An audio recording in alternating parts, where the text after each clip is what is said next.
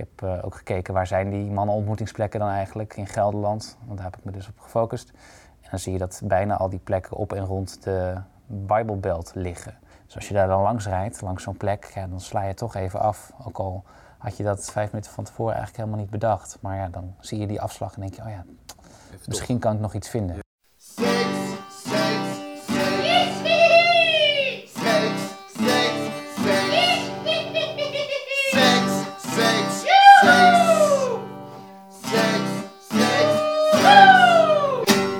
Welkom bij aflevering 3 van Gewoon Seks. De podcast waarin ik, Mickey Hoyle, elke week met iemand anders praat over seks of wat daaraan raakt.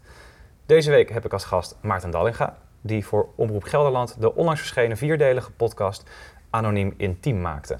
Hierin verkende hij de wereld van mannenontmoetingsplekken en dus niet homo-ontmoetingsplekken, moet ik zeggen.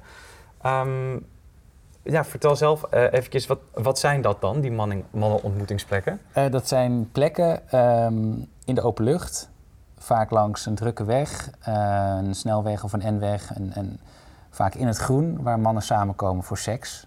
Vaak langs snelwegen, de bekende parkeerplaatsen, de rustplaatsen, daar vind je ze vaak, of daar zijn ze soms te vinden. Maar ook um, soms locaties bij een meertje of in een bos.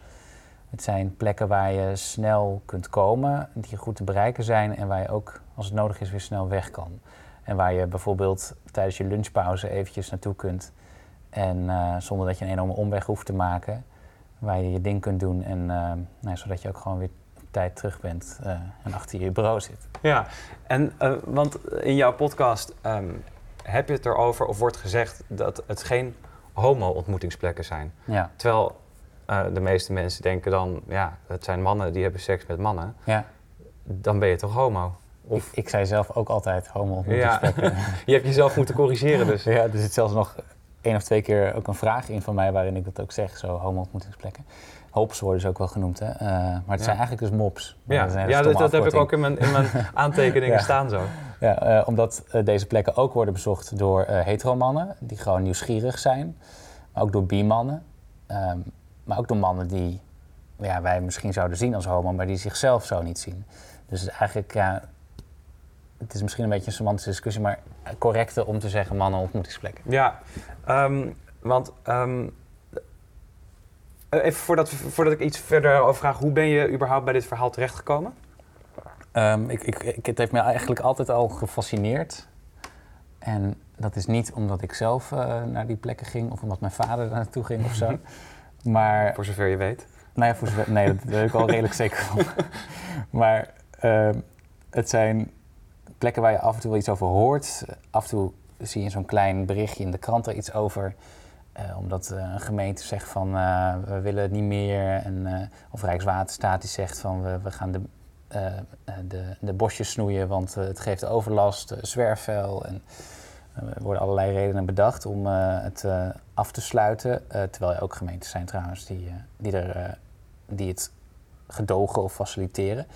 maar ik ben zelf ook homo en um, ik weet zelf hoe het is om anders te zijn. Ik heb er zelf best wel mee geworsteld. Niet, uiteindelijk was het, achteraf kan je zeggen, misschien niet nodig, want het werd gewoon geaccepteerd. Maar je bent toch anders en bijzonder. En ja, dan is het toch die vrees of angst dat, dat dat je ouders of vrienden of familie het niet zullen accepteren. Dus hou je dan jaren voor jezelf. En um, doordat ik weet hoe dat is, kan ik me denk ik ook goed voorstellen uh, ja, hoe het is om dan in zo'n positie te zitten dat je anders bent. Um, en daar ook helemaal dus niet voor uit durft te komen. En dan kan ik me best voorstellen dat je naar zo'n plek gaat. Want dat is, was een beetje mijn gedachte. Is dat de grootste groep mensen die daarheen gaat? Mensen die er niet voor uit kunnen komen? Nou, daar was ik dus benieuwd naar. Dat was wel mijn hypothese. Van, volgens mij gaan er heel veel mannen naartoe die niet uit de kast durven uh, komen en die dan daar naartoe gaan omdat ze op een andere manier niet hun, uh, hun, lusten kwijt kunnen of daar naartoe kunnen geven. En ik heb veel bezoekers gesproken, maar ook veel deskundigen. En mijn beeld is wel nu, het wordt niet bijgehouden of zo, maar mijn beeld is wel dat veel van die bezoekers thuis een vrouw hebben, ook vaak getrouwd zijn met een vrouw, uh, vaak ook kinderen hebben. Dus dat beeld van de mannen met een kinderzitje in de auto achterin, die dan daar naartoe gaat, dat beeld klopt wel voor een Ja. groot gedeelte. Terwijl er ook mannen zijn die gewoon out and proud eh, homo zijn. En soms ook een relatie hebben, een open relatie hebben. En daar gewoon naartoe gaan omdat ze het geil vinden. eh, omdat ze het lekker vinden. En ja, soms is het ook gewoon heel erg ongecompliceerd. En ehm, is het gewoon ook voor hen een uitkomst. Maar ligt er, niet, er ligt niet altijd een, een droevig of ellendig verhaal eh, aan ten grondslag. Of zit er niet altijd achter. Nee. Ehm, toch was de podcast redelijk zwaar. Ehm, het, het, het avontuurlijke van die mannen die het eh, geil vinden en de spanning opzoeken, daar eh, begrijp ik. Maar in je podcast werd toch vooral redelijk gefocust op mannen die het er moeilijk mee hadden. Die Ja, nooit hebben kunnen zijn eh, ja wie, omdat ze, wie ze wouden dus zijn. heel veel van die bezoekers in zo'n situatie zitten. En ik vind dat zelf ook het journalistiek gezien, journalistiek gezien ook het meest relevant om dat verhaal te vertellen, te laten zien. Daar zit gewoon heel veel achter. Eh, want dan kom je op eh, het geloof, Eh, dan kom je op de Bijbelbelt. Ik heb ook gekeken waar zijn die mannenontmoetingsplekken dan eigenlijk in Gelderland. Want daar heb ik me dus op gefocust. En dan zie je dat bijna al die plekken op en rond de Bijbelbelt liggen. Nee, ik denk dat dat geen toeval is. Het is ook wel een hele groene omgeving. Er lopen ook wel veel wegen, dus dat Ja. zal ook misschien wel meespelen. Maar heel veel deskundige experts zeggen ook van ja, dat, dat moet wel met elkaar te maken hebben. En dat, dat, dat, dat idee heb ik dus ook, ook op basis van de verhalen van de mannen die ik heb gesproken. En ehm, dus eigenlijk gaan, gaan die mannen ontmoetingsplekken gaan ook eigenlijk deels over hoe wij in Nederland met homoseksualiteit omgaan. En ja, als je daarover met een gemiddelde Nederlander hebt, dan zegt hij, oh, dat is helemaal geen probleem. Dat vind ik helemaal prima. Leuk zelfs misschien. Ehm, en dat blijkt ook steeds wel uit SCP-onderzoek, eh, dat eh, de acceptatie steeds toeneemt. Maar eh, dat er toch ook nog steeds plekken zijn en groepen zijn die, die er meer moeite mee hebben. En ehm, En dan hebben we het over de Bijbelbelt onder andere. dus. Bijvoorbeeld. En in de Randstad heb je bijvoorbeeld moslimjongeren die eh, naar mannenontmoetingsplekken gaan omdat ze niet zichzelf kunnen zijn of durven zijn. Dus de mannenontmoetingsplekken eh, vertellen ons ook iets, denk ik, over de situatie eh, voor minderheden in Nederland. En de situatie van homo's en van LHBT's. Ja. trillende benen. Ja, ik vond het heel spannend. Ik vond het heel spannend, maar op een of andere manier wilde ik het uit nieuwsgierigheid, omdat ik ergens in de verte gehoord had hoe het daar was. Vooral door de weeks. Dan is het wel, ja, dan is het wel redelijk druk. En dan ehm, is het toch net een ehm, vleeskeuring. Kijk of je toch kunt scoren. Het is eh jachtinstinct. Hè.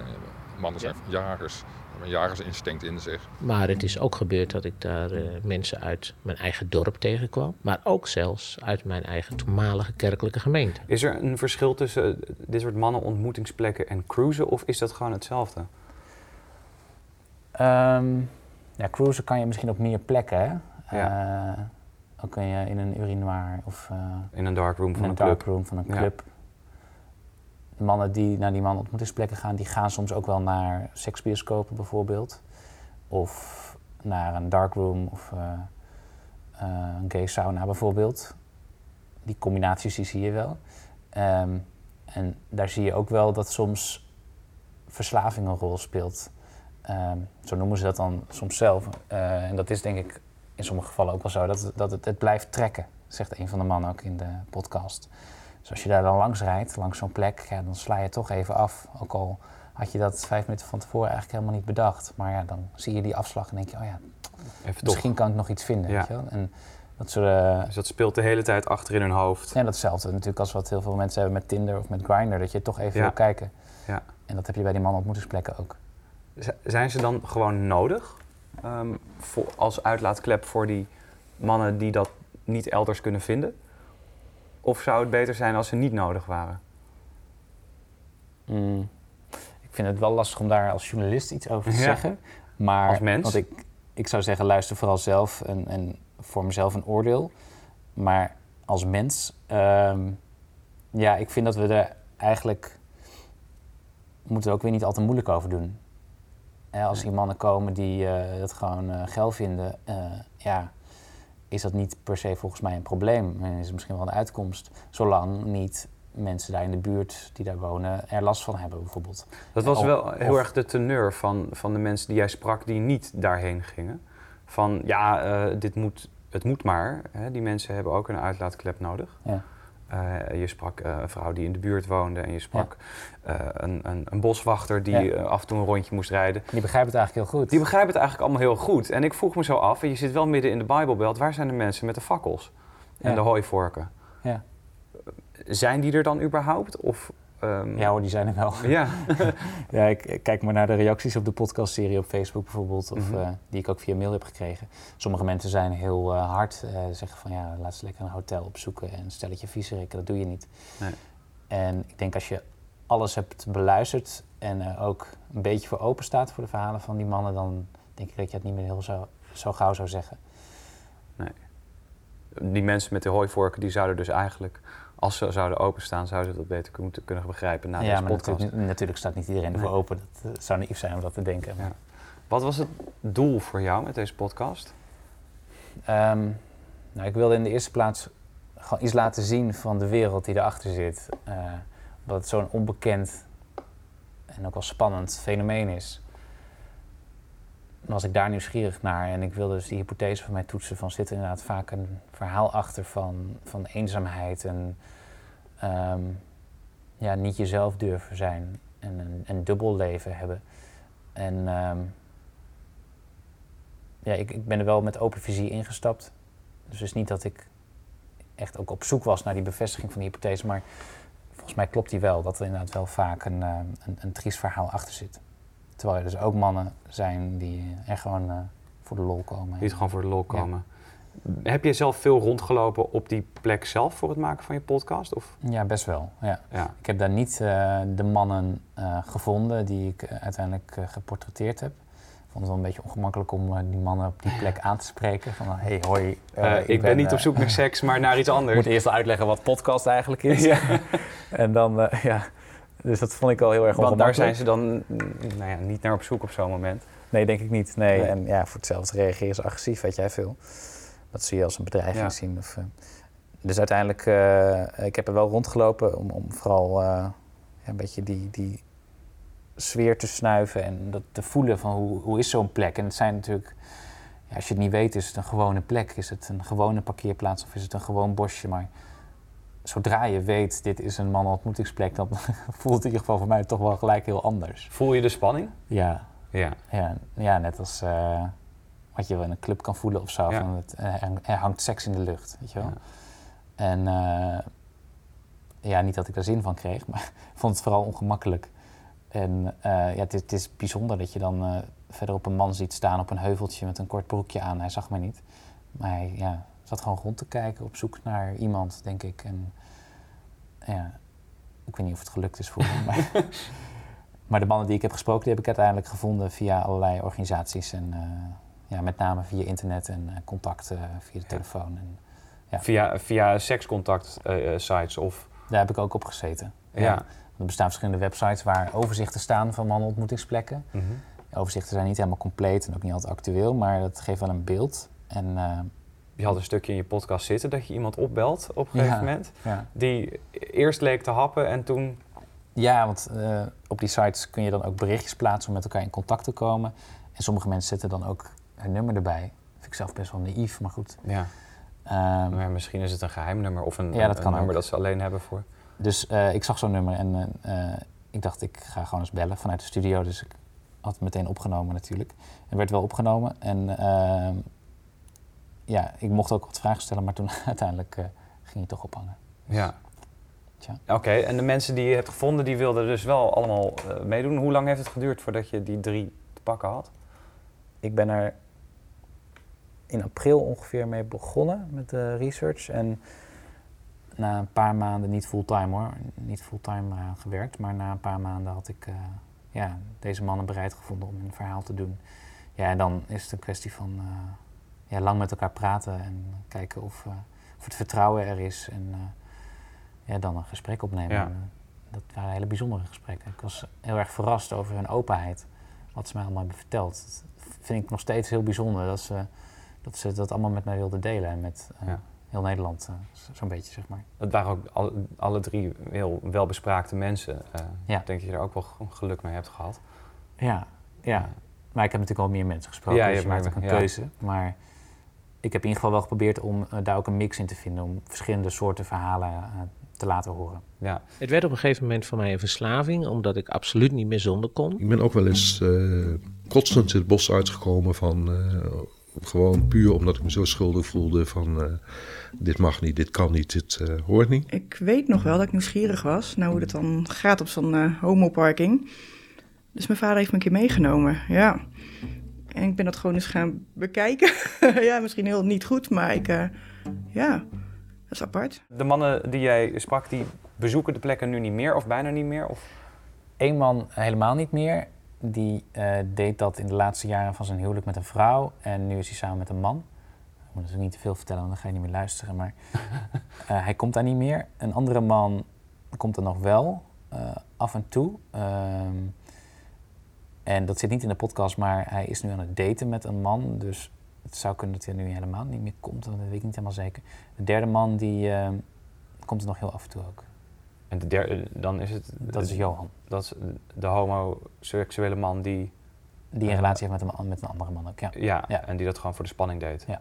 De veiligheid van de bezoekers daar, daar, daar hebben jullie het even over met eh, iemand van roze in blauw.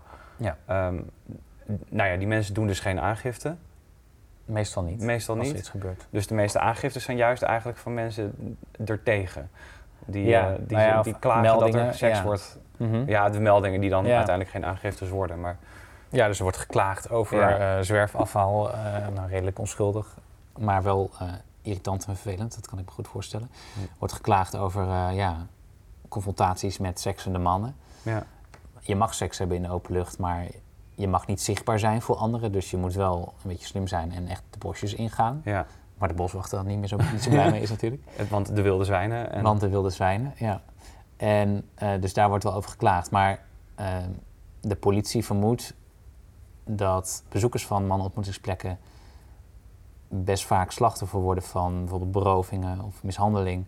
Maar dat, dat, eh, dat, daar, ja, dat, daar, dat, dat die mannen daar niet voor uit durven te komen, omdat ze bang zijn dat eh, dat dan uitkomt dat ze naar die plekken gaan. Omdat ze ja, anoniem willen blijven en thuis bijvoorbeeld een vrouw hebben zitten. Ja.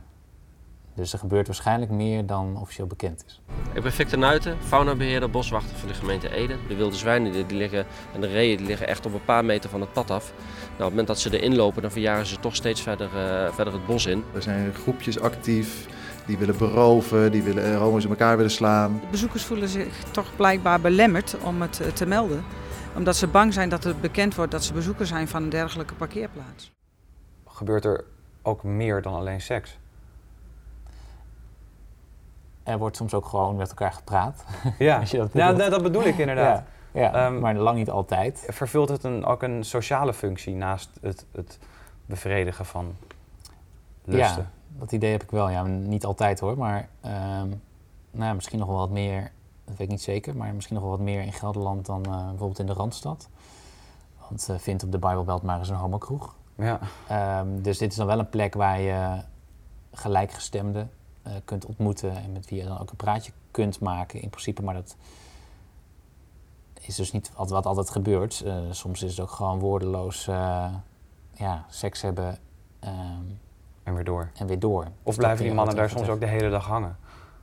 Dat gebeurt Vrije wel. dag. eh, Het gebeurt ook, maar de meeste eh, mannen eh, zijn wel vrij snel weer weg. Ja. En soms, als je er langer komt, kom je ook bekenden tegen natuurlijk. Dan, hè, mensen met wie je al eerder seks hebt gehad. Of, ehm, een van de mannen is van de kerk en eh, eh, werkte destijds ook voor de kerk toen hij die plekken bezocht. En hij zag daar ook geregeld gemeentegenoten, mensen uit de kerk, uit de kerkgemeenschap. En dat was natuurlijk wel heel erg schrikken. ja. Dus dat kan ook gebeuren. Waar kom jij zelf vandaan? Uit Drenthe. Uit Drenthe. Is er, heb je expres niet een plek in Drenthe opgezocht? Nou ja, ik heb dit voor Omroep Gelderland Ja. dus ja, dan zou dat een beetje raar zijn natuurlijk. Ja, maar ik ben wel- altijd net zo goed voor Omroep Drenthe kunnen doen.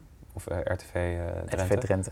Ja, ja eh, eh, wellicht. Ja, dat is niet zo interessant denk ik. Maar ik, ik werkte al eh, daarvoor al bij Omroep Gelderland als researcher. Ehm, Maar ik ben wel ben je, ben je- nieuwsgierig. ja, ben je het je af gaan vragen of er inderdaad... Of je mensen tegen zou kunnen komen daar, Bekenden. bekenden. Nou, er zijn wel momenten geweest dat ik dacht, goh, het zou toch wel heel raar zijn als je hier ineens je collega ziet Ja. of zo, toch? Ja, Dan want inderdaad, om. Gelderland... Ik Maar zou mijn mond wel houden hoor, maar Iedereen ja. weet op zo'n moment natuurlijk dat jij die podcast aan het maken bent. Ja. Dus die hebben misschien maandenlang hebben ze dat ontweken en zijn ze sorry. ergens anders heen gegaan. ja. En nu kunnen ze weer ze hoor. Ja. Ja. Jij zegt heel erg eh, eh, duidelijk een aantal keer, eh, althans je hebt het ehm, op de website van Omroep Gelderland staat het en je zegt ook wel eens in je podcast dat je eh, de andere plekken niet wil noemen om Ja. de mensen te beschermen. ja. Ehm, zijn ze zo geheim dan? Nou ja, ik zei eh, net al, er zijn wel websites Ja. waar je kunt zien waar die plekken zijn, ook in Gelderland. Eh, al is dat overzicht dus niet compleet. Maar ja, weet je, ik vind dat je met dit soort onderwerpen gewoon heel voorzichtig moet zijn. En dat je, ja, als het dan niet per se nodig is of niet heel relevant is, ehm, beter de namen van die andere van die plekken zoveel mogelijk weg kunt laten. Eén plek heb ik wel genoemd, Ginkelse Zand bij Ede, omdat dat een hele bekende is en daar ook een rechtszaak over heeft gespeeld. En daar speelde alles zich ook af, toch? Waar jij, Het meeste wel. ja. Ja, dus die heb ik wel genoemd, maar de rest dus niet. En ja, dan kan je zeggen, ja, mensen kunnen het toch wel vinden op internet. Ja, dat is zo, maar dan moeten ze er wel actief naar zoeken. Dat is wat anders dan wanneer je het op, eh, ja, wanneer je het zo aanbiedt van dit zijn de plekken, ga lekker, ga lekker je gang daar. Ja, en dan misschien dus wel als boterhammer en dan met de fakkels en de, en de, Ja. en de hooivorken. Ja. En, Ja, dus daar wil ik niet aan bijdragen. nee. Ehm, zie je nog een vervolg hierin?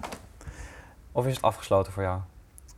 Nou, er is nog wel wat te doen rondom het Ginkelse Zand. Dus die eh, ontmoetingsplek eh, bij Ede langs de A12. Er komt een eh, hoger beroep hoogstwaarschijnlijk in die zaak. Rondom de sluiting of de afsluiting van het bos bij die parkeerplaats door de gemeente Ede. Waardoor die mannen niet meer dat bos in kunnen, wat een populaire ontmoetingsplek was. Dus dat blijf ik volgen. En dan moeten ze het dus echt dichter langs de parkeerplaats gaan doen. Ja, je hebt nu nog een klein groen strookje. Dat is Ja. van Rijkswaterstaat. Waar onlangs ook een en ander gesnoeid en gekapt is. Maar daar kun je als man nog eh, ja, terecht, of Ja. als vrouw. Maar Ja, want het zijn voornamelijk mannen. het zijn voornamelijk mannen. Heel af en toe... bruggetje dit. Eh, precies, heel af en toe heb je het over dat het ook wel eens hetero-stelletjes zijn. Mhm. Ehm, die natuurlijk ook al eh, parenclubs en swingersclubs en weet ik veel wat hebben. Ja. En bij hetero-stelletjes denk ik toch aan gewoon... Nou, hè, die hebben gewoon even zin in een verzetje en die duiken even de bosjes in. Ja, die hebben het minder nodig. Die hebben het minder ik. nodig. En het, het klinkt ook minder als, als mensen die thuis in de kast zitten. Ja, maar goed, er zijn natuurlijk, ja, je kan Ja. me voorstellen nog steeds dat het spannend is om het Ja. buiten te doen. Ehm, ik had het laatst ook over met iemand, maar ja, dat ik het zelf ook wel spannend vind. Maar dan zou ik, ik ga zelf niet dan naar zo'n plek. Dan zoek ik Nee. liever een, een plekje op waar verder niemand komt. Waar je- nee, Toch? precies. Dat, dat vind ik zelf Prettiger. prettiger. Dan gaat het je juist om de open lucht en niet om Maar misschien vinden sommige mannen het, of vrouwen ook, het wel juist ook spannend om gezien te worden. exhibitionisme Ja. natuurlijk. Ja. Ehm, en vrouwen, vrouwen? Er zijn geen ontmoetingsplaatsen voor Vrouwen. vrouwen, vrouwen. Nee. Ehm, ben je ook nergens iets in tegengekomen? Ik heb er wel naar gezocht en experts over bevraagd, maar ja, ze bestaan niet. Of iemand die het luistert weet zo'n plek, nou, laat het vooral weten.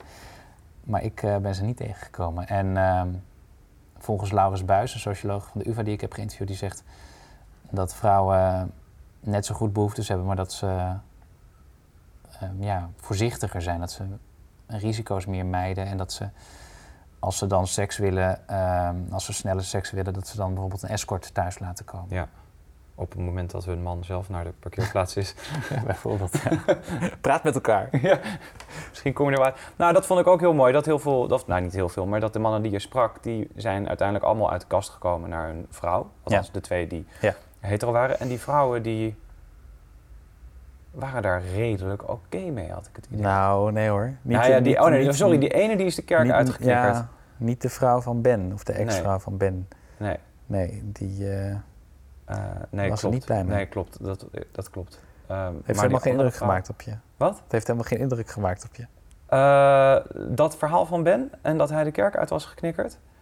Ja, ik weet niet of dat indruk heeft gemaakt. Ja, ik vond het heel zielig, maar op een gegeven moment denk ik, ja, ik, dat, ik had het verwacht. Ja, ja. Van, ehm, Je vond het een beetje een voorspelbaar verhaal. ik vond het van Ben en de kerk die hem eruit gooide, vond ik voorspelbaar. Ik vond het juist minder voorspelbaar van de vrouw Shit. die, ehm, eh, De vrouw van Wessel. de vrouw van Wessel, die het oké vond. En eh, meerdere vrouwen niet die jij hebt gesproken, Ja. maar dat blijkt wel.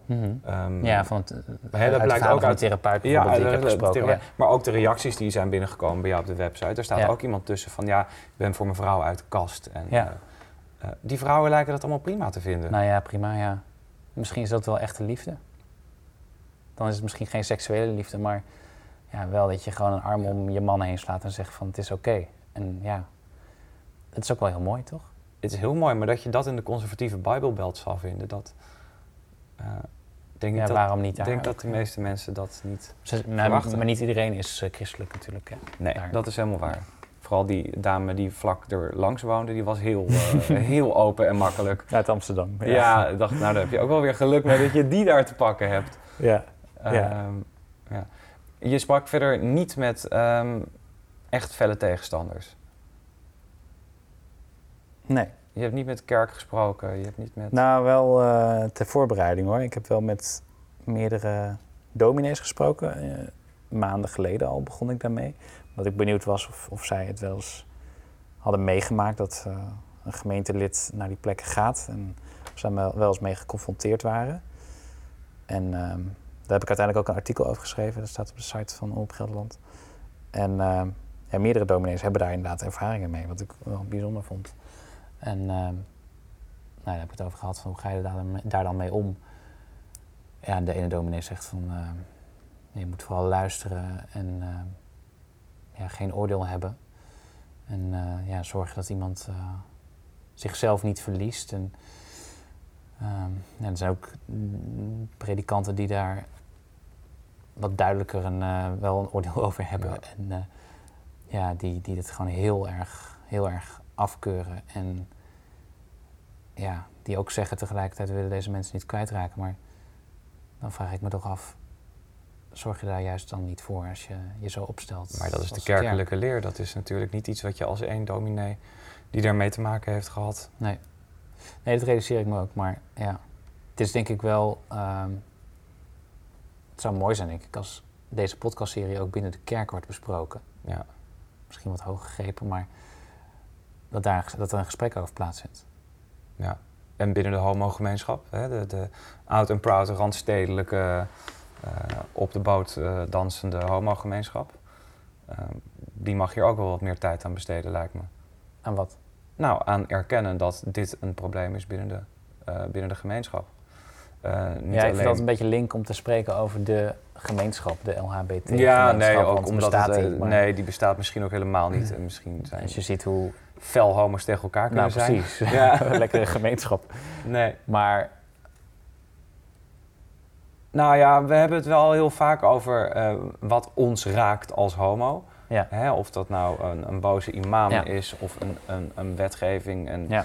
enkele eh feitconstructie eh, weg, weg van een school.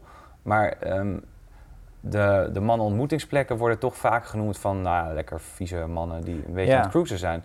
En er wordt weinig over gesproken dat het een symptoom kan zijn van een, een problematische houding van de kerk ten opzichte van homo's.